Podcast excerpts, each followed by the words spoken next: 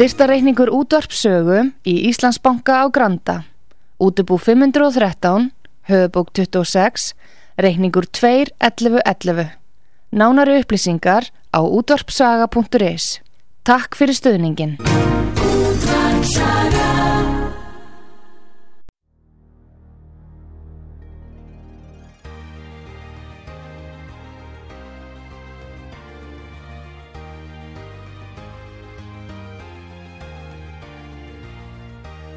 Heimsmálinn í umsjón Pétur Skuldarsson.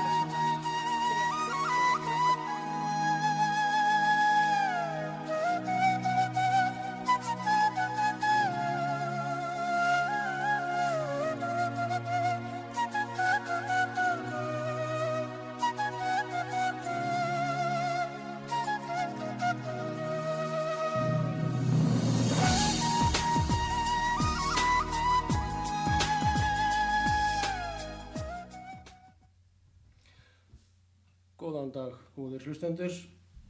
Haugur Hauksson, heilsa frá Moskvu.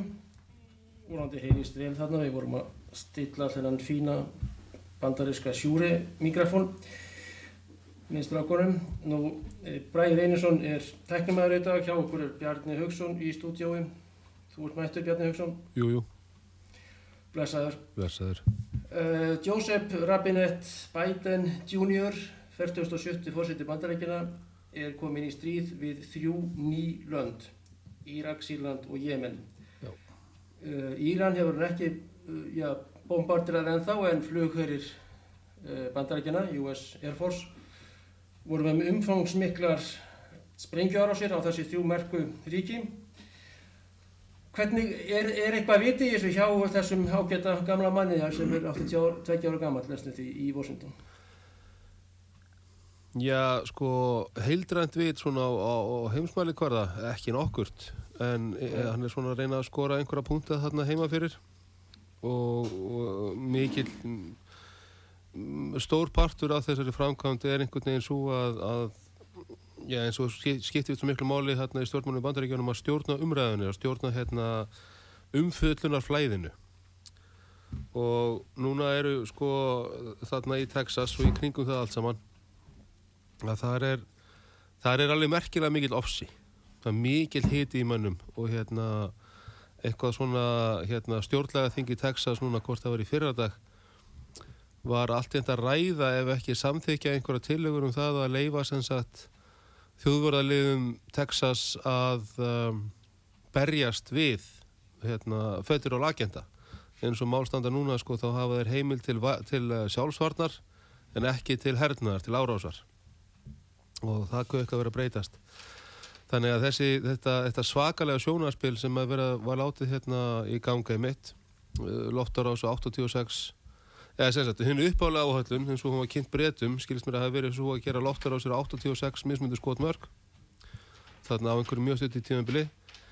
Sökva helmingnum á íranska flótanum og ef að Íranir sendi einhver viðbröð þá myndu þau sökka restina af íranska flótanum og gera síðan einhverja stórfældustu og þingstu loftarásir á Íran sem að bara hafa verið framdæri í mannkinn sögunni og voru búin að sapna þarna öllum þeim þunga, þungu sprengjuvel að forða sem þeir hafa Með e, þessum vélum sem við myndist á þarna um daginn, þessar tankvílar, Já, og 8 stykki og 6 á flugi. Já, og svo náttúrulega, svo náttúrulega sko allar þessar B1 og B2 og all, allur þessi, þessi sko, svakalegu, því náttúrulega þessi stratóbomberar, flugvila sem fljúa svo hátt að þær eru bara upp í, upp heiðgólfið sko.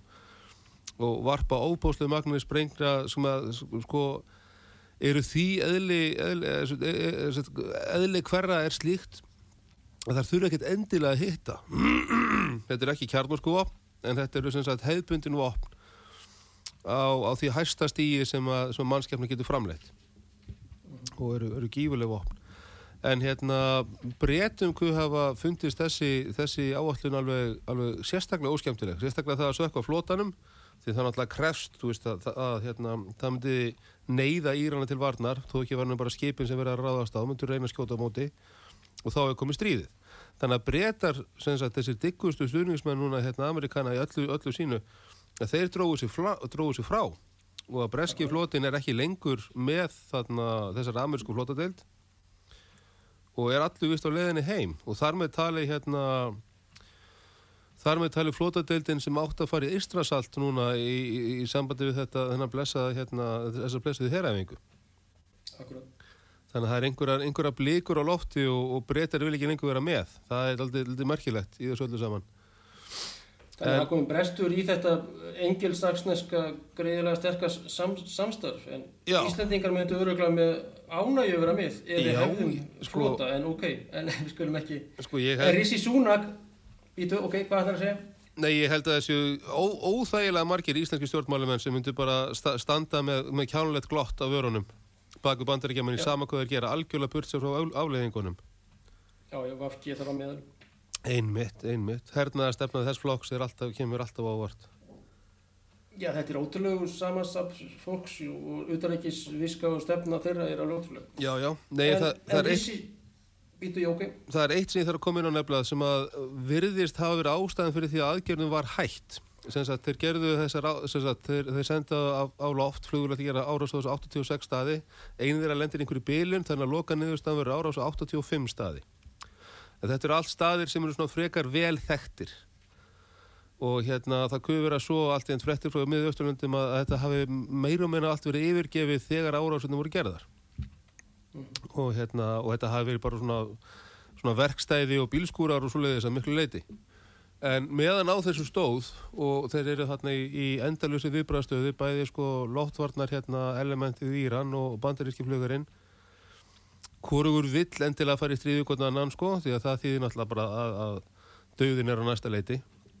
Að þá kuð loft, hérna flugherinn að skipunum Netanyahu stjórnarinnar gert árásir á Íran, ánum þess að tilkynna bandamannu sinni það og þetta er náttúrulega til þess eins fallið að, að breyta erfiðum og flóknum kringumstæðum í, í tortimingastyrjöld þannig að, að hérna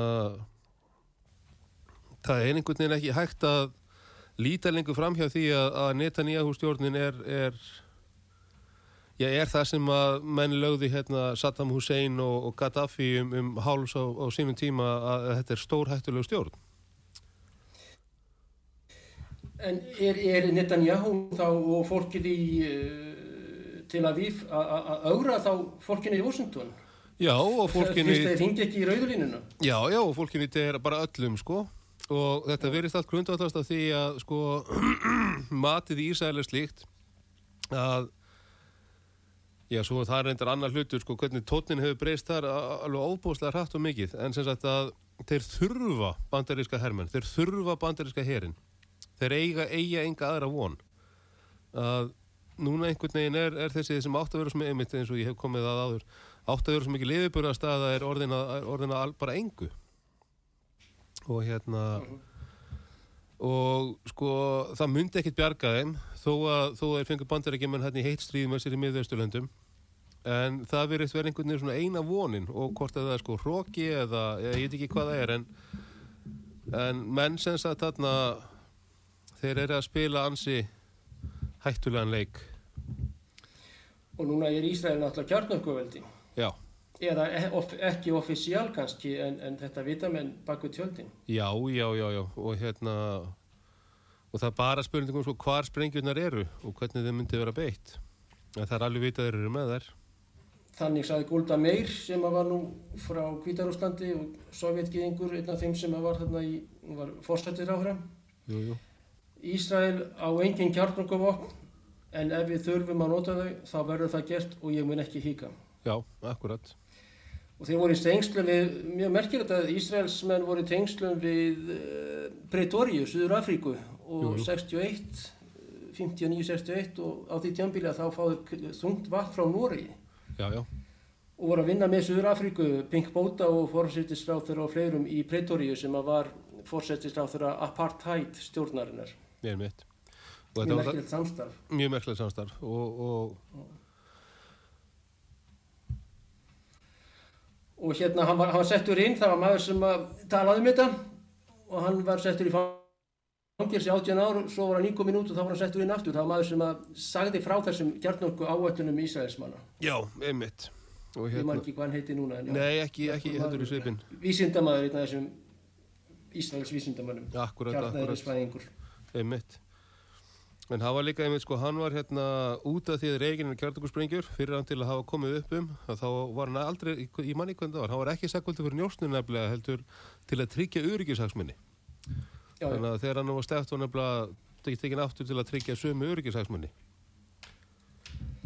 en hérna akkurat, akkurat var, hérna, en, en þeir munu, ég meina heldur að Ísraels uh, sem eru í- Ísraels menn og stjórnvöld í Tel Aviv og Bibi Netanyahu muni nota kjarnorku ef að Já, þá þurfa og þú ert að benda á það eða segir, þú heldur því framallan að bandarækjumenn séu að lenda, Ísraelsmenn, Ísraelski stjórnarherinn, Zahal sé að lenda í kviksindi og mýri í, í Gaza aðgerðinni. já, þetta já, er mjög alvarlegt að heyra þetta. en ég meina Hamas, kemur, sko Hamas er búin að endur taka norður sem sagt fyrstu, fyrstu partarnir af Gaza sem að Ísæðalar tóku þeir eru núna áttur í höndunum á sem sagt með fánum og öll Hamas. Æ, fyrir ekki, fyrir ekki, Hamas, já Al-Gaza, Gaza-fólki. já, já, Akkurat. Palestínu Mhm. þannig að hérna það er, það er engin, sko það er ekki einu svona Ísæl sem menn haldið fram að það gangi vel lengur Akkurat. en hérna það er, og það er nefnilega tón, tónbreytingin inn í Ísæl að hún, hún er sko hún, hún er virkilega sláandi það sem að menn fóru frá því að, að, vera að fara að vinna sko, einhvern endarlegan sigur yfir, yfir sko, villimennskunni sjálfri yfir í það að, að sko, óvei, óvei þeir munu drepa okkur öll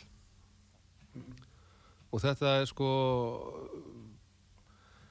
þetta var kannski að undir niðri allan tíman sko, þannig að það fór í gang þarna eftir 7. oktober alveg sko þvílík sem sagt svona, já, áróðurs og, og, og, og hérna, fjölmila áherslu herrferð í Ísæl um að allir séu saman í því að, að hefna og hefna og hefna og það bara gekk ekki. Þannig að núna er, er einhvern veginn tóttin orðin sá að sko þetta sé allt orðið og seint. Þetta sé allt glatað og, og hérna og núna sé bara hvers að bjarga sér sjálfum En þá mun vanta, mun vanta aðra hermenn og þá verður það vantilega bandaríski dátar sem eru þarna náttúrulega í þúsundavís á öllu svæðinu vegna þess að Já, já. bandaríkin menn eru með ótrúlega bara styrk og, og mannfjölda og herskip og annað á svæðinu. Meina hver annar myndi geta hlaupið í það skarð sem að er bara lífsættulegt fyrir Ísraels ríki. Já, já, Nei, það er enginn að fara að geta gert það en, en það er líka málið að bandaríkjamenn sko vita þetta að þeir, þeir eru eru elementið sem Ísælar myndir breyta fyrir sig undir öllum öðrum kringumstöðum og þá held ég eru bara ánæðar með það. Að ef það væri ekki fyrir hérna Úkræmi dótið og, og, og allt þetta dót sem búið í gangi síðustu ár þá hefur bandaríkjumenn sendt einhverja 100-200 hús dáta og þeir hefur barist og það hefur orðið hræðilegt en, en þeir væri búin að fríða þetta gettó. Þeir væri búin að brjóta og baka aftur með, með hverjum þeim tiltengum ráðum sem þeir hafa til að hérna, sæt, þessa mótspurna á þessu svæði og þá bara einfallega með því að drekja því í blóði. En svo náttúrulega eru bandaríkjumenn náttúrulega með þarna þessar sérstöku herdildir sem eru sérhæfa sig að berjast neðan jáðar og svona einhverja gangna hermenn og þetta. Þannig að þeir, þeir hefðu mögulega skilað meiri árangur í Ísraelarnir, ég er ekki að segja það. En, en mér þykir samt ólíklegt að þeir hefðu jafnvel náð því. Þetta er sko, það, það er ekkert ástæðu lausu að þessi hátækni hér í Ísraels með allan sinn mannskap er að, er að hörfa frá þessari litlu landsbyldu þetta er hérna vel varið. Þetta er alveg stór merkjulegt og þetta kemur hvergi fram í meginströmi, meginströmsmiðlum. Nei, þetta ekki. Nei, ég meina náttúrulega sko meginstöðusmiðlar snúast um að viðhalda ákveðnir heimsýn. Algjörlega burtu frá því hversu raunveruleg hún er. Og, og, og eitt af viðbröðum sem sagt, og þetta á við um öll áróðursöfl alltaf, ég var svo líka reyndar nefnilega með áróður, er að fyrsta fórnalab áróðurs er sá sem beitir honum þó hann sé fullkomlega meðvitað um það þegar hann byrjar að segja þetta, þetta sé ekki satt að þá, þá verðum fem maður að trúa sjálfum sér. Og hérna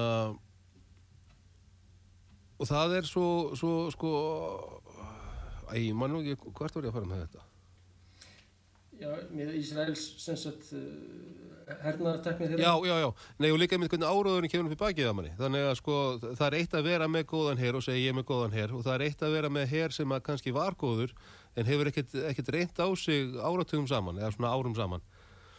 Og halda alltaf því fram að sé svo svakalega góður sé svo svakalega góður. Og svo kemur, kemur stanna því að hann þarf að berjast í raun og veru eins og Ísrael segir þetta að gera núna 7. oktober og þá er hann ekkert góður. Bara alls ekki. En hérna og það er nefnilega fyrir, já, heyrðu, æ, svo þurfum við nefnilega að koma þessu með, sko, með, með þetta, hérna, þetta, þessa, þessa, þennan tölvuhernað allan saman. Því að hann er einhvern veginn miklu veigameiri heldur en ég hefði, sem sagt, það kvartlaði aldrei að mér að Ísraelskir hérna, flughermenn eða hérna, amerískir tækju með sér snjálfsíman sín í flugvöluna sína. Það er bara, það er út í hött að hugsa sér það. Selfie. Já, til dag, já, akkurat, akkurat. Ok, fyrir ekki. Nei, menn eins og núna var hérna, það var F-35 flugvél sem var að heldur tók á loft og heldur Suðu Karolínu og voru að fljúa hérna eitthvað unnið með Össuströndinni sem að bara lendi allt inn í því að hérna, eða flugmar lendi allt inn í því að, að flugvélinn bara skaut honum út. Og flugvélinn bara helt áfram að fljúa og Og hann þetta bara var, í loft, í hérna, í fallifinni já, og vorandi, lendi bara þarna í einhverjum bakgarði held ég einhverstaðar, hvort það var í Flórida eða einhverstaðar jáhá, og flugvélinn bara hvarf og hérna og svo að tala um það hún er hrapað einhver staðar, hvort í sjóin eða í mýrina þetta einhver staðar en þetta var allt í læ en síðan hefur orðrámur síðan þá sem að ég svo sem tók ekki það mikið marka á þá því að þetta virkaði svo æfintýralegt en er eitthvað sem að mögulega hefði nefnilega getið gerst. Og það er það að hérna að út af því að með snjálfsíman sinn og það er eitthvað svona viðmót í svona tölvukerfunu þarna sem er að skanna þetta wifi dót að hún hafi einfallega verið hökkuð að það hafi verið forrið komið á, á snjálfsíma þessa manns sem að komst inn í stýrikerfi vélarinnar og einhver aðili bara einfallega ítti á ítjækt takkan fyrir flugmannin og hann bara sendur í burt og svo, þá sem þetta er flugvélunni til stjórn einhvers annars sem bara hérna matar hana á þessum sko, já, bara gefur henni fyrirmæli, beinlínis og gæti fræðilega séð mögulega að hafa lent henni. En hérna og þá nefnilega komum við að þessu sem að er sko það sem að vakti hjá mér litla hrifningu við rannsóknarvinnuna fyrir þennan þátt. Og það er M5 Ripsaw Ripsaw fyrir geðu sem er uh, útlegast um einhver svona rífisög þetta er eitthvað, einhver, eitthvað sem er notað við hérna skóarhögg mikið, víst.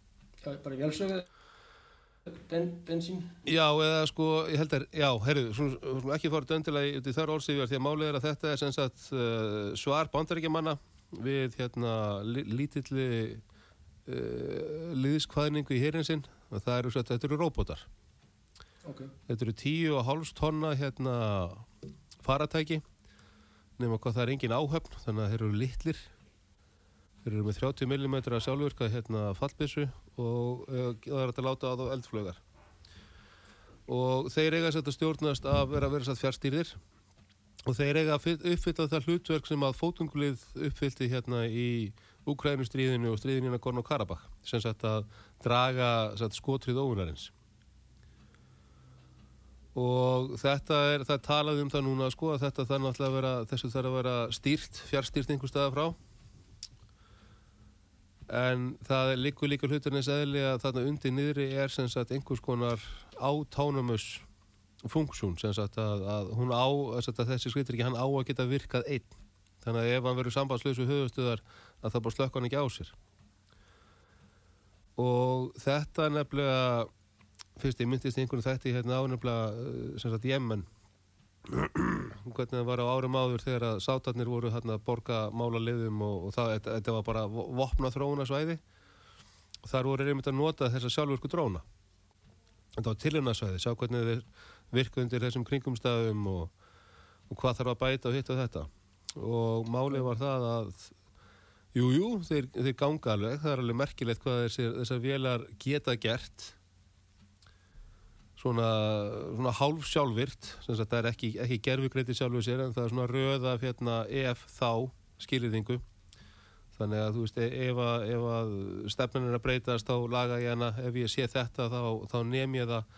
Ef að það sem ég sé uppfyrir þessi skilirði þá skýt ég á það og þetta átti bara alltaf að vera svona frekar einfalt og augljóst en það var alltaf eða allt hérna ótrúlega algengt að vélarnar sem sagt gerðu ófyrir sjáanlega hlut þó að forritin ætti að vera, vera það góð að, að það væri séð fyrir öllu að þá kom það meðal annars fyrir allt hérna einn hérna uh, Predator eða Predator eða Reaper dróni hann sem sagt hvarf í fjóra sólarringa og kom séðan bara aftur. Og, svo- og svo við það að skoða hérna skoða sem sagt fallbissu myndböndin úr drónanum þá kom í ljós að hann hefði drepið einhverja 14 menn. Og hann hefði ekki fengið neina skipanir um að gera það. Hann bara fann hann einhvern hóp mann út í eðimörkinu og ákvaða að þetta var óvinnir. Og það var út af því að menn gátt ekki ráðið í hvernig hann komst að því. Ég meina, jújú, jú, það er einhver svona ef þú, ef þú sér mann og hann er með eitthvað á bakinu sem lítur út eins og einhver svona túpa að það máttu skjóta. En, en sko það er ekki það að, vél, að vélmaðurinn hafi tekið sjálfstæðar ákvarðanir en sem sagt einhvern veginn skilningur mannsins á hvernig hvernig, þar, já, hvernig þetta stýrist að honum var einhvern veginn ábóta á hann og það var ástæðan fyrir því að, að róbótarnir voru ekki lengur undra lausnin. Það var ekki það að þeir hefðu ekki virkað í reikinu það var það að, að þeir virkuðu á ófyrir sjáanlegan hátt. Og það veit að hver maður sem nokkur tíman hefur borið vopn eða, eða notað einhver leiti að, að þau eiga ekki vera ófyrir sjáanleg þú ætti að vera fullkonlega vissum það að þegar þú sveiflar sverðinni þínu og þá endar það þess að þú sveiflar því. Það var ekki að snúast í hináttin og höggva þér höfuðið. Og það var svona einhvern veginn það sem að menn voru smekir við þarna við þessar tæknilegu ég við þessar tæknilegu niðurstu þessar, þessar, þessar hernaðar þarna á sínum tíma sko. Mm. en núna er það sem sagt, er, er sem sagt staðan í banderska hernum að, að þeir bara fá ekki nægilega mikið mannskap. Og þá ætla er að, að beita þessu fyrir sig í staðin en þetta er náttúrulega afskaplega dýrt allt saman þó svo að heit, eigi að heita hver einn og einasti dregi kosti ekki nema 750.000 dollara sem er hræðilega ódýrt. Uh, já þetta eru rafmagsdrekar, rafmagsknúnir og þeir eru sett þrjár sekundur frá 0 upp í 100 og þeir tal, tala um það hérna menn sem þekka til að sko þú heyrir í vennilegum skrittreika í svona kílometersfjallat og þú heyrir í þessum kannski 100 metrar fjallat og hérna já þannig að einhvern veginn er, er svona uh, já málin að spýta en hann er ekki yfirnsverður á stöðu sinni, ég get sagt þér það. Og hérna hvernig Nei, nei, nei. En það er líka nefnilega eitt með M5, M5 sko, að hann, á að, á að, hann getur bara virka þar sem að, að 5G net er stert, sagt, þessi fjárstýrða elementið, til þess að hann, hann lúti sagt, hérna, stjórn mannshandarinnar. Þá þarf að vera á landsvæði þar sem að 5G net er bara, er bara fullkomlega allstæðar, sem þýðir einhvern veginn að hann er ekki að hannaði til að berjast rúsa á, á sléttum Rúslands og hann er ekki að hannaði til að berjast í kínverja. Hann, hann virðist vera að hannaðu sem einhvers konar já, til að veiða andásmenn heima fyrir. Ég veit bara að segja það eins og er. Þetta er bara ég meina, þú veist, maður þarf að stjórna hvort að samskiptakerfið er, er, er, er stöndugt eða ekki. Og í stríði við, með, með annan her, þá getur maður ekki ábyrgslíkt þannig að þeir verða að skera ráð fyrir því að óvinnurinn muni ekki vera færum að lama þessi samskiptanett þannig að ég veit ekki alveg hvort að, já. En það er margt sem bendir til þess að, að verðandi styrjaldir og já, átök uh, muni vera í verðrænum stórborgum og þá við já, eigin mannskap að einhver leiti Einmitt. og sviðan alltaf milli þeirra sem hefur búið að flytja inn hérna í þús, miljónavís miljónavís Ei, miljónavís og það var alltaf sér svo núna sko, þá var, voru hérna fransk stjórnvöld að, að sagt, eitthvað að lúfa eða svona kalla það voru að gera einhverja samninga við þessi, þessi samtök bænda eða setja einhver aðal, aðal, aðalsmenn í þeim mótmælum en ja. það fylgdi strax í umfjöldinum það á, hérna, á svona bakrásónum að, að þeir ættu ekki að fallast af þetta því að allir sem að sem sagt, hætta núna viðnámi að þeir með að búast við því að á næstu sex vikum að þeir verið handeknir og það er sem sagt Þískalands, uh, Fraklands, Þískalands, Hollands og víðar já. Já, það er fraktamenn eru bara settir inn Já og þetta er nefnilega þetta er bara í, í Frakland samíkjum við Frakland og þeir munir gangaði mellir bóls og hugus og öllum mótmælum að núna er bara núna er svo tímið þar sem almenningur mátti láta eins og hann hefði eitthvað með málun að segja hann er liðinn. Eins og ef, þú skoðar hérna æg hvað var það nú aftur? Macron sem sagt skipaði hérna hvort að fósættisáþurra og utaríkirsáþurra sem eru, eru kærustupar, kærastar sem sagt Já, akkurat og þetta eru bara einhverju svona, svona, svona strákar finnst mann einhvern veginn? Þetta eru bara fermingadrengir sko. Þetta eru fermingadrengir sko sem, ótrúlega, sem að hafa einhvern veginn það eitt sér til, til, hérna, til já, meðmæla í þessum, þessum kringumstæðum er að þeir eru skemmtilegir í partíinu og þeir hugsa, hugsa á réttan hátt. Það, það kvartlar ekki anninum að þessi mennsju færi til verka. Algjörlega. og það, það á ekkert að vera svolítið þeir eru hérna til þess einhvern veginn að staðfesta það að Macron ræður engin annar En, Þetta er ótrúlega, þetta er, já, ég meina, þeir eru homarissi strákar og, og búa saman og sundur og saman og annað og, og eru settir fyrst og fremst vegna mm, þessa vináttu sinnars og þetta á að vera eitthvað nýtt í fransku þjóðfélagi og eitthvað ægilega sem, sem að fólk á að taka á opnum örmum. já, já, Þetta er alltaf Evrópa í dag. þetta er Evropa í dag. Nei, ég meina, það, það er sko, mér myndi ekki finnast skrítið að fólki þætti skrítið að einhver hjón einhver staðar væri hérna fórsetisráðherra og utanrikiðsráðherra. Að fólk myndi svona spyrja sig sko hvort að heyrðu, já, já, nei, nei, allt í lagi En þarna þú talaður um sem sagt gerfigrind og hvernig hún er að taka fram fyrir uh, mann, mannskeppnina og að bandariskum flugmanni var, var skotið út úr eigin yfir Einmitt. Flórida og Oregon og annað. Er þetta sem gerist með marasísku bóingvélina, er það eitthvað að koma í ljós? MH017 er svo sem var skotin yfir Ukrænum jú, jú en MH hinn þarna í 370, er það ekki 370, akkurat. Já. Er eitthvað að koma í ljós með það mjög engilega mál, uh, Boeing 777, það verður Malaysian Airline, Airlines. já, það verður nú bara merkir ég man þegar þetta gerðist nefnilega, maður fylgjast með og þetta var, það eina sem að var nú uh, sett, allar mögulegar útlistinir á þessum sögutræði voru stórmerkilegar. Eins og til dæmis var hérna bara hvað áhöfnina var að þið og, og farþega ásækja mig. Mm. og þá hérna nú man ekki hvað fyrirtæki hétt en það var sem sagt fyrirtæki á sviði hérna ljósleiðara. Já, alveg og voru hérna einmitt að vinna í eitthvað átt í einmitt hérna, hvað hétt það nú aftur? Se, já, semiconductorar og, og cold fusion. Það var eitthvað sem voru mikið að pæli og þetta var þess að fyrirtæki sem var einhvern veginn fjármagnað af einhverjum, hvort það var Jakob Rothschilds en sett loka niðurstaðan úr MH370 atbráðarsinni, hvað það var að þið var það sem sagt að allir aðrir meðlimir fyrirtækisins aðrir annir en hann Rothschilds dó, sagt, hurfu með þessari flugvel þannig að En hann ha, Rothschildarnir hurfu ekki. Nei, hann var ekki um borðið flugvélinu, sko, en Nei, all, ekki nokkuð. allir hinnir í stjórn þessa félags sem sagt voru um borðið þessar flugvél og hvort það sko þr- hönnuðurinn og allt saman. Þannig að eini aðilinn sem ha, hafði tilkall til gagnana þegar að, að þessu öllu lauk og það var sagt, þessi rauðskjöldungur og alltaf þegar að svo fjölskylda lætur, lætur hérna, á sér kræla þá fylgist maður með. Og svo Ekki viti nú af. ekki veitir nú á nefnilega.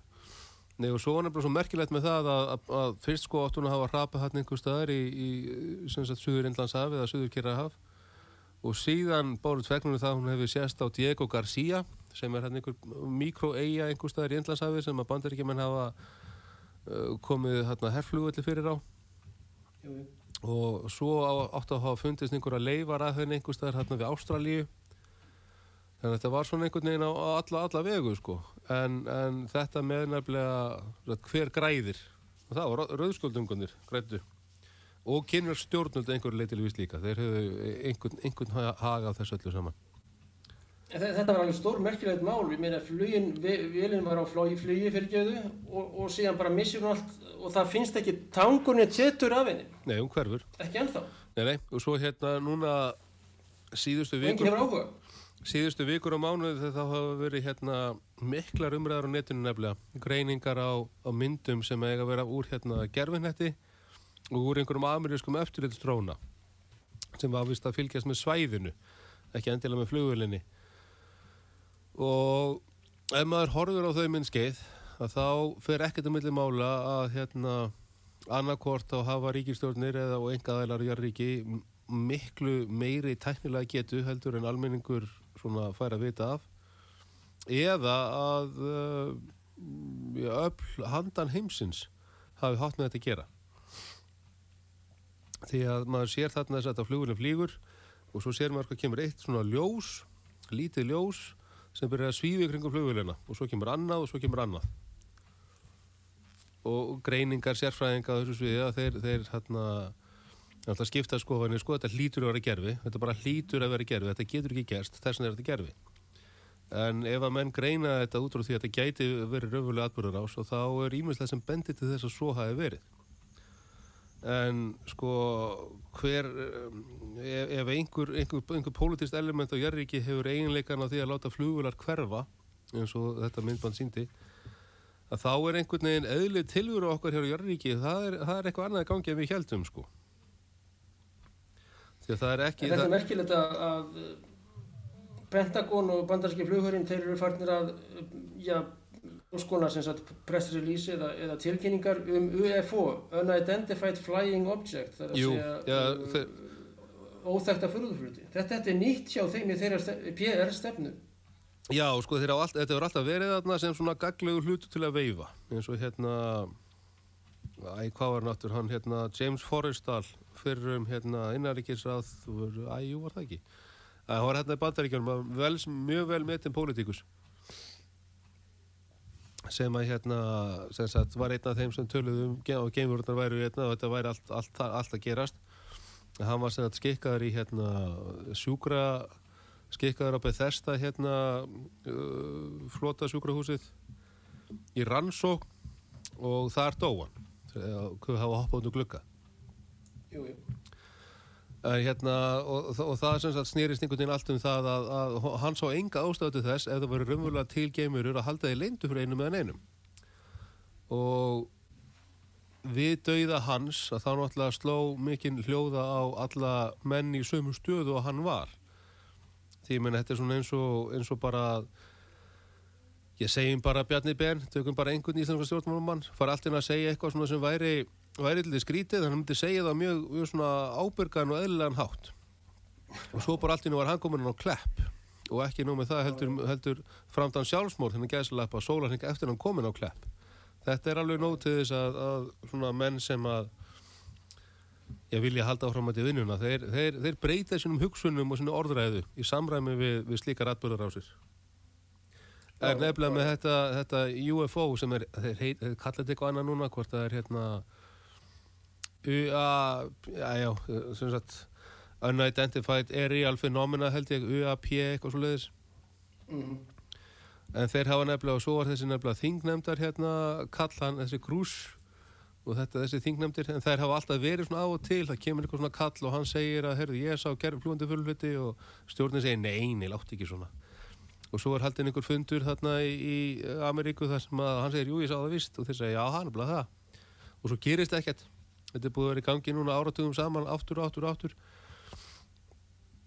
en þetta hefur alltaf verið ákveðið verkfæri sem sagt líka fyrir þá til að hérna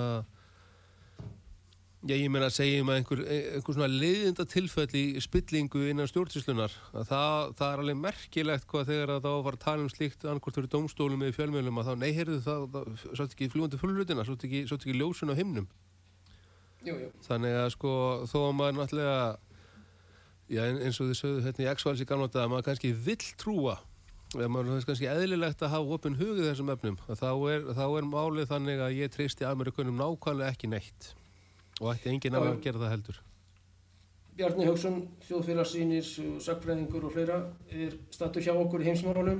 Bræðir Einarsson er tæknumæður og hann ætlar núna að setja á auglýsingar og við munum uh, halda áfram eftir þær. Takk fyrir.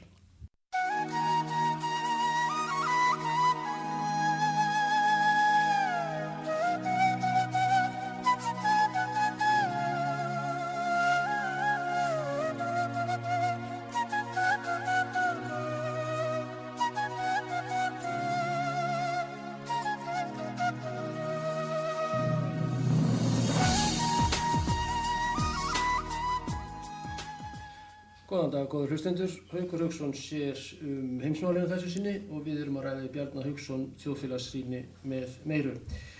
Nú, Tökkar Karlsson eftir uh, óstaðfestum fréttum er sá ágæti bandaríski blaðamæður Tökkar Karlsson með sænska ættanafnið eða íslenska jafnvel statur hér í Moskvu. Það sást til hans á, í Bolsói-leikusinu, hinn stórgræslega Bolsói-leikusi sem ég er nú reynda tíður gestur einnig í og hann fór á ballettin Spartacus. En Spartak eða Spartacus var þræll sem var í Gríkjaveldi hinn í fórna. Nú það er gert ráð fyrir því að Tökkar Karlsson takki viðtal við.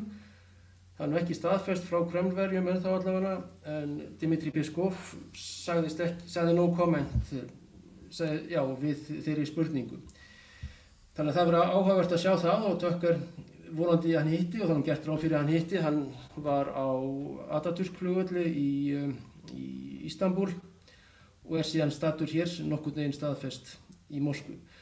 En Bjarni, með Greg Abbott uh, ríkistjórnin í Texas og Ron DeSantis sem er ríkistjórnin í Flórida, hann hefur líst yfir ofinbjörnum stuðningi við Abbott. Jú, jú. Hvernig er þetta þróast þarna og er, er ég meina, má búast við þarna átökum og þau hún ekki orðið en þá, en, en hvernig svona er sér nýjasta þróun í þessu máli? Þetta er nefnilega alveg svakalega áhugavert því eins og hérna ég kom aðeins að um daginn sett í síðasta þetta með hérna óviðsvinna stjórnsýslu. Því að til, til, dæmis, til dæmis í árás á þennan já, eru svo líka það að þessi hérna turt 22 þessi herstur sem ger árás frá að hún er alls ekki í Jórdaníu hún er alveg 11 kilometra inn í Sýrlandi. Og hún Ok, okay, stjórnar hérna hraðbrautinni millir Sýrlands og Írak En sem sagt í árásinni þeirri árás sem að hérna þrýr fjallu og, og, og setja á eitthvað, eitthvað að hátta 40 mann særðust að þar voru meðal annars voru þjóðvarðarliðar frá Arkansas. Og nefnilega þessi þjóðvarðarliðar að þeir eru, þeir eru máttarstólpi bandarska hersins. Að sem sagt að fólk fer í herin og fer síðan í þjóðvarðarlið eða fer í þjóðvarðarlið og svo í herin þannig hefur þetta svona runnið saman síðustu áratíð, sérstaklega þetta er bandaríkjumenn byrjuð að, að eiga þessari manneklu Þannig að hérna þannig að sko hvernig lagaleg staða þjóðvarðarlega Texas sem eru kannski við störfi í Okinawa segjum bara Japan. Já, í Japan, akkurat að sko hvort að þeir núna séu skilgreindir af all ríkinu sem, sem sko sínir eigin hermenn eða, eða mögulega óvinna hermenn eða, eða, eða hvað, það, það, það er svo óljóst Akkurat. Og þessi, þessi sett, og það er núna þessi aðskilnaður innan Texas ekki aðskilnaður náttúrulega en það er sett þjóðvarli Texas og, og svo eru svona þessi sheriff departments og þessi laurugluleiðalsumöl sem náttúrulega eru það sem myndu kallast paramilitary. Þeir eru ekki bara þess að peace officers heldur eru þeir þjálfari í vopnabyrði og hafa aðgang að þung, þungum vopnum sem er eins gott því að kartelarnir hafa aðgang að í allra, allra besta sem að er í bóði sem ættur að kaupa fyrir fjö En þannig að hérna að, að sko, já, Rondi Sandis hann ætlar að senda honum liðsauka og þessir allir fylgistjórar vist við landamærin að þeir eru, þeir eru mjög hlindir þessari framkvæmt en eru kannski endilega, ekki endilega taka, í, taka þátt í henni að fullum þunga. En sko málið er að eins og þetta með þetta, þetta þing þarna í, í Texas, stjórnlega þing sem er sem sagt að, að breyta lögunum þannig að, að sem sagt að þjóðvaræðilega Texas megi skjóta á federal employees. Að þetta er, er svona til margsum það hvað sko spennan í mörgum er búin að gangi lengi og, og hvað, hvað, allt einn hvað þetta fólk er reyðubúið það er, það er tilbúið í hugmyndina um það að að sprengja skriðdrega og brenna hús og skjóta niður flugvilar í nafni einhverjar ég loka niðurstöðu þannig að sko eins, eins og til núna er búið straxbergir í Texas er að er að satt, ríkistjórnin, ríkistjóri Texas sem er sem sagt einvaldur þannig séð, euróska háttinn að hann er sem sagt búin að, eða sagt hans skrifstofa er búin að skipa hinum og þessum borgum í Texas sem að satt, samþyktu lögleðingu hérna kannabisefna. Og þá undir einhverju svona federal hérna umbrella að, að federali sagði að þetta væri allt í lægi þið viljiða en nú er hann búin að segja að í Texas þá er þetta ekki máli og, og mörg svona einmitt það sem að mætti kannski mér eftir kalla afturhaldsöfl og þau eiga, eiga hérna ég hvað að segja von um að, um að hérna að þeirra áherslur verði, verði í, í, fyrirrúmi En hvað með kostningarna sem eiga að vera í, núna í nóvumber í bandarækjunum? Ég meina, geta þessi öll þá sem eru móti bæti en ekki viðkent hans sigur ekki síst ef hann verður talsvert vafasamar eins og segðusti? Sko ég held að, að það, sko, ef það verða kostningar í bandaríkjunum núna hérna í november 24 að þá verður það, sagt, við, og þá er það tilskildið að þetta sé ekki alltaf bara áróður, en þá verður svo kostning sérstaklega áróður. Því að, sko, já, ef, ef við gefum okkur að Texas-máli leysist bara á morgun, að þá er samt búið að, að koma þessu höggi á þessa pólitísku uh, þetta pólitíska fyrirbæri sem er Washington D.C. og þessa flokka sem þar þrýfast þannig að og svo er líka þú veist alltaf með þetta þessi tvíflokkur í bandaríkjunum að hann er náttúrulega bara hann hann er hlægilegur.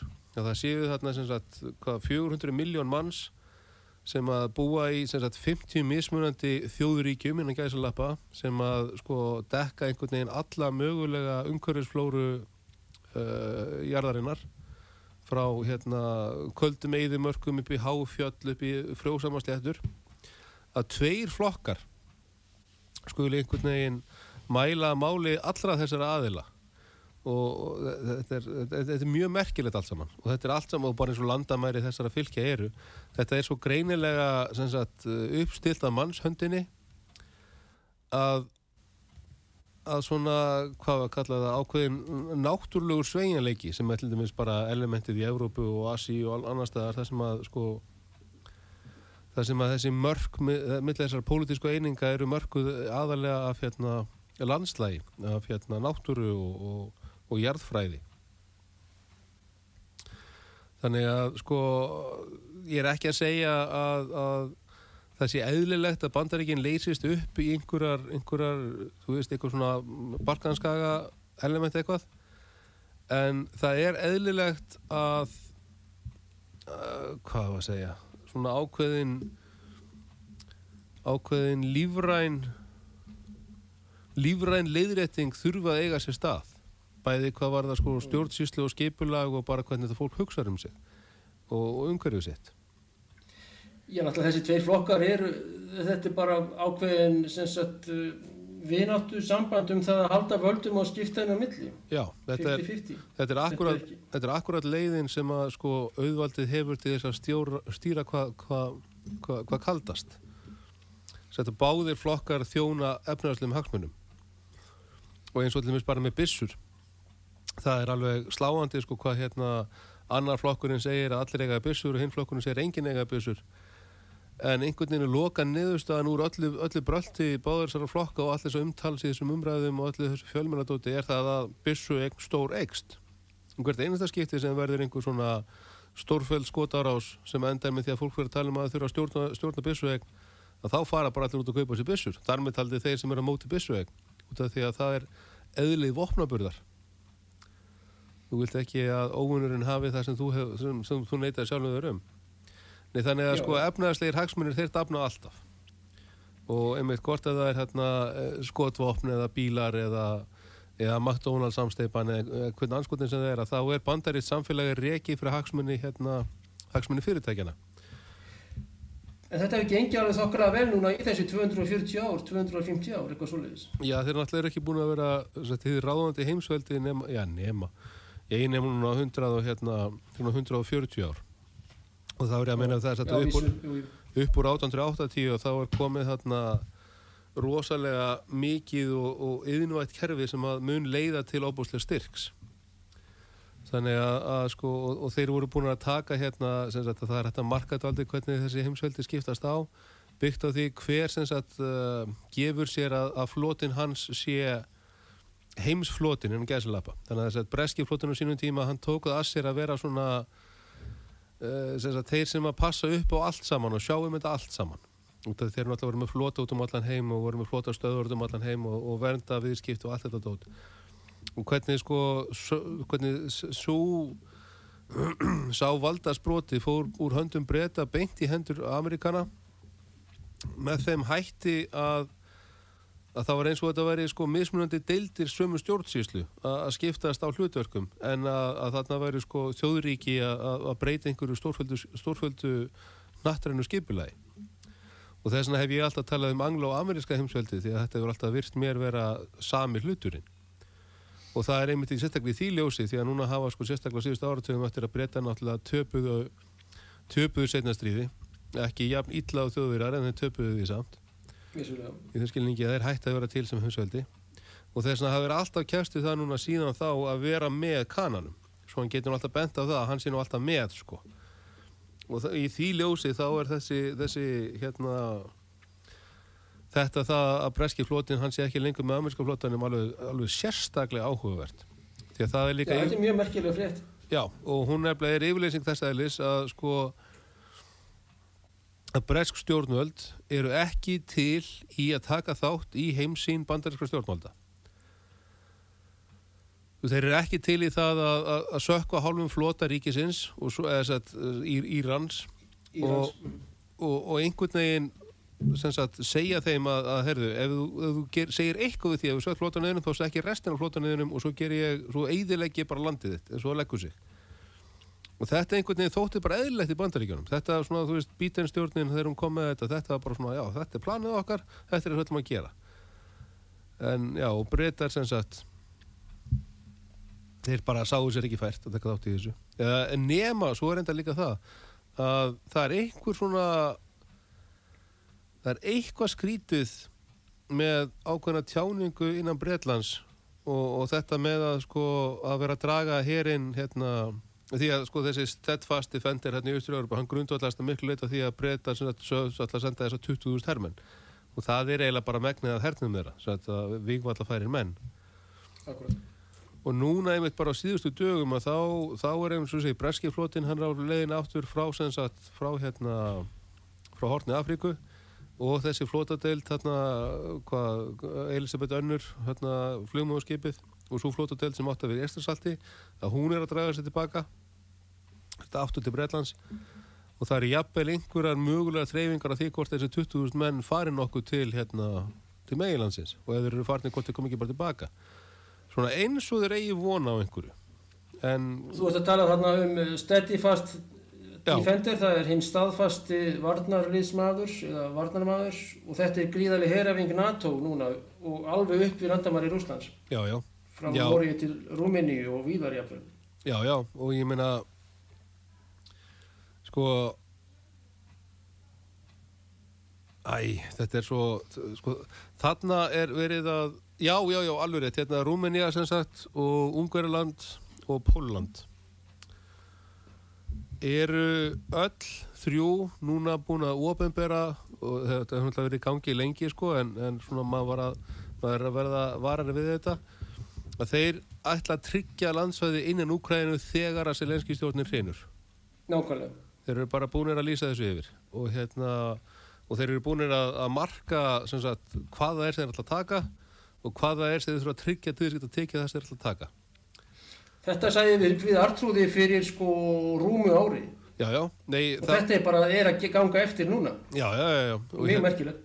og þetta er nefnilega undirbúningur fyrir þetta, hann hófst alveg sko, ég segi ekki, ekki hann hefur hafst uh, satt, 2014 en, en skömmu upp úr þessu öllu saman þá fóru þessu contingency í gang hjá, hjá NATO, þar sem að bandaríkjumenn töluðu við rúmina um hvort þeir var ekki til í að tryggja þennan part og ungverja hvort þeir ekki tryggja þennan part og pólveri og svoleiðis ef að á vestaveg færi og nú er sem sagt allt að fara á vestaveg En verður þetta gert undir vendavæng uh, eða sem sagt með NATO sem þá aðila eða verður þetta sjálfstæðir aðgerðis? Þetta myndi allt vera í gegnum NATO. Sko, Já. NATO myndi kannski ekki taka þátt í því sjálfu sér að, að rúmenar þarna endur heimti og ungverjar og eitthvað svo leiðis. En það myndi vera de facto niðurstaðan. NATO myndi veita þeim stuðningsinn hernaðarlega og pólitískar yfirlýsingar sem myndi fylgja kjölfarið myndu þar að leiðandi vera styrtar af NATO, bara út af því að þeir eru þarna. En svo er líka málið með þetta eins og núna sko Selenski og hvað heitir hann hérna, hétan, víst, það er búið að reykan er það ekki, eða handtakan jafnvel, fyrir um hérna yfirmaður herabla Úkræðinu, hvað Salina, Zaluzny. já, akkurat, Valeri Fjodorovic Zaluzny.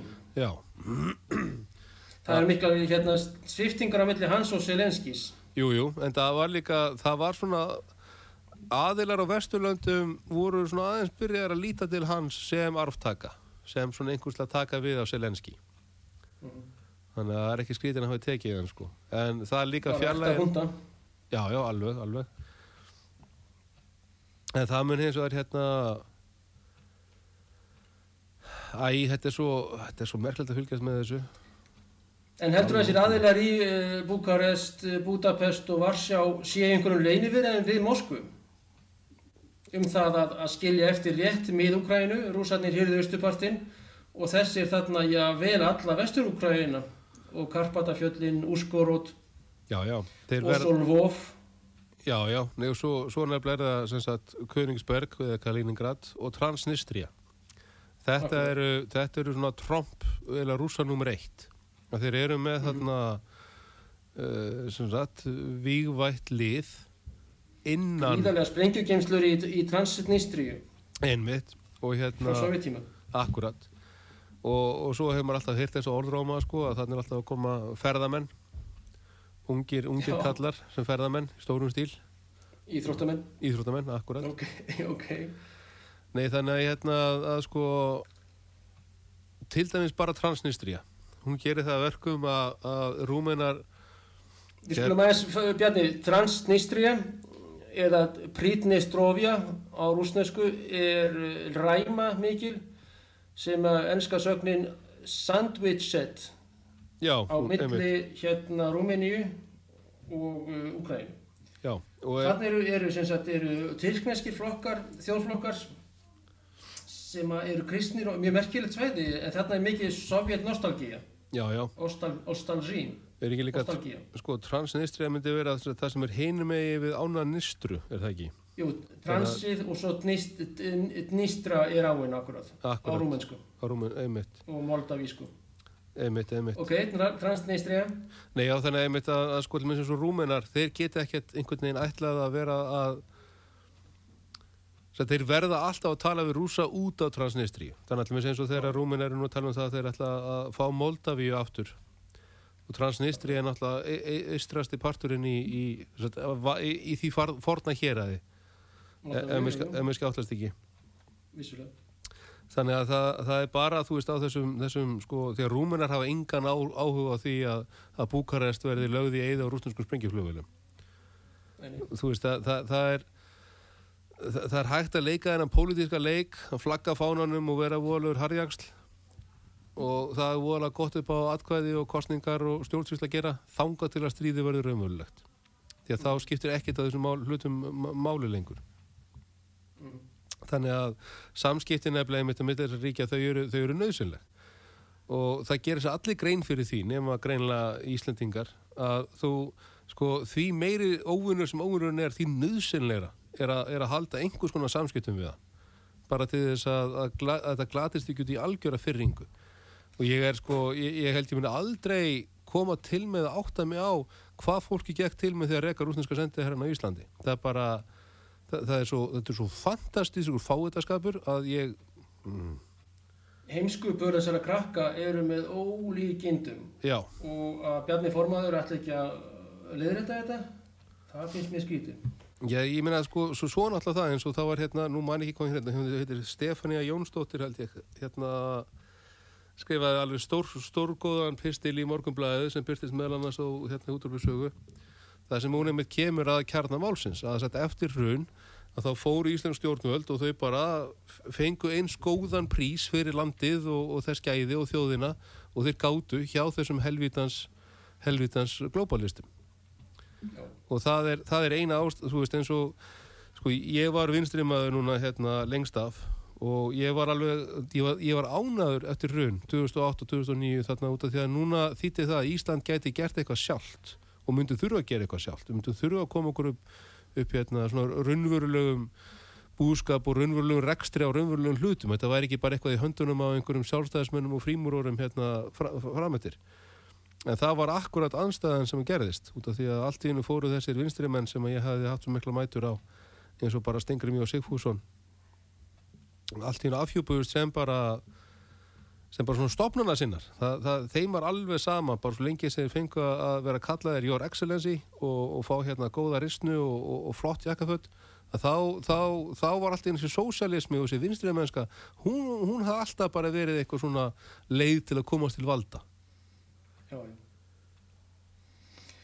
Diggustu NATO-sinnar eru, eru núna innan, innan og, Já. og þeirra utaríkis sérfræðingar. Já, og sko, ég, þú veist, ég er farin að spyrja mig hérna, Líktu á sögu NATO núna síðustu sko eftirstrís árin. Rústandi löndunum hverju eftir öðru, algjörlega utan lögsögu og svo eru menn skrí, finnast rúss, skrítið að rússari vil ekki fá NATO upp við landamæri sín. Og Václav Klaus, fórseti Tjekklands, ég held þess alveg rétt hjá hann að NATO sagði uh, rússum stríða á hendur 2008 þegar að það var ákveð að taka einn Grúsíu eða Georgi og já, já, Þetta er algjör sem og, en, en það bara órunu, en það er bara ódýra sálir, það, það er svo hægt að auðvilt að kaupa á útsölu ódýristu sálirnar. Já, blessaði verður. Ég meina núna allmest eins og bara í sambandi við sláturinn á Gaza að það er alveg, það er sko sláandi hérna all, alltaf umfjöllin og ma- maður svona sér á og til tjáningu sko sem að er bara ekki neinu tegustum raunveruleikan. Núna var hérna ein, einhver einhver pistill einhver staðar sem einhver skrifaði um að þetta sem gerist 7. oktober hefur að versta sem hefur gerst í 75 ár ég veit ekki hvað samhengi viðkomandi var að tala um sko því að á hverjum einasta degi á þessari blessaðu jarkringlu gerast hræðilegri hlutir á miklu stærri skala heldur en gerist þarna gerist 7. oktober það bara vil svo til að fórnarlöfin eru eru, eru fátæklingar og, og verkafólk hér og þar í heiminum Já, já. og sko einmitt og hvernig til mér fyrst ég er búin að vera minnast á þess að kartellas sko hvernig þeir stjórna sínum löndum það er, það er engin sko, sett ofbeldisveldi það, það þarf að finna upp nýju hugtök til að lýsa þessu Svo hrylli, þetta er svona, já, hryllingurinn ræður að allra hryllilegasta gengið sem gera allra úgeðslegustu hlutina af allra minnstu ástæðinu, það eru þeir sem að fara með völdin en hérna, og ein, hann eina leiðin einhvern veginn til þess að sko til þess að, að svona viðhalda einhverjum, já, nei, eins og þú segir einhverjum svona hjákallegum fáutaskap æ, En enginn hringir í lögguna. Það er máli bjarni. ha, hvar? Bara þegar með þessir kartela Já, nei, nei, og, lögg, og sko- líður gengur uppi, bara veður uppi rumpara líðurinn. Já, já, nei eins og það, það var hérna löggan er, er, er, er sagt, á þessum slóðum þar sem þessi kartellar sáða, þá eru þeir sem eru eftir í löggunni, því það er alltaf fyrsta skotmark kartellan eru löggunnar, að þeir eru verri en, kartellarnir eins og núna var það hérna í Mexiko hvort það var já, já nei, það var, var einhvern tímann í haust það er svo 2-3 mánuði síðan og þá var mætt einhver bílarestanbla kartella sem mætti þarna í eitthvað, eitthvað svona inn, þorp innfætra og, og það endaði með því að innfætti sem sagt brendu alla 16 kartellas meðlumina lifandi. Já. og það var af einfaldri örvæntingu. Það var enginn sem hjálpaði þessu fólki.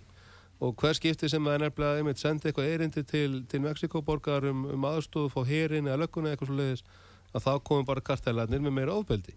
Það er engin önnur valda eining í Mexiko en þessir, þessir, þessir ofbeldishópar og að miklu Já, já. leiti út af, náttúrulega þeir eru ríkir og þeir eru vel ofnbúnir en, þeir, en ofbeldið sem þeir beita er, er verkfærið til valds Og þeir flytja inn í miljónavís fólk til Bandaríkja Norður Ameríku og það er ekki ljóst hvernig það allt endar.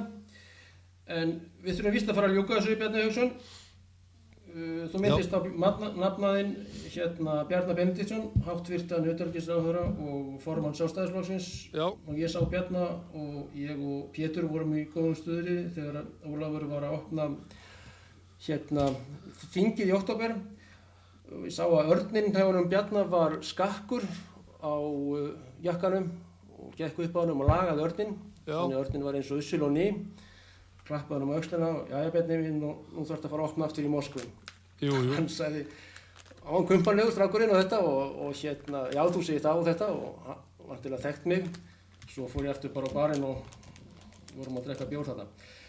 En bestu kveðu til þín til Bjarnar Bendvíssona líka Sömulegis til allra á sögu, hlustenda og við þökkum Bjarnar Haugsinni einnig Braga Reynisinni takk fyrir verið sæl kæru hlustendur. Takk ekki minn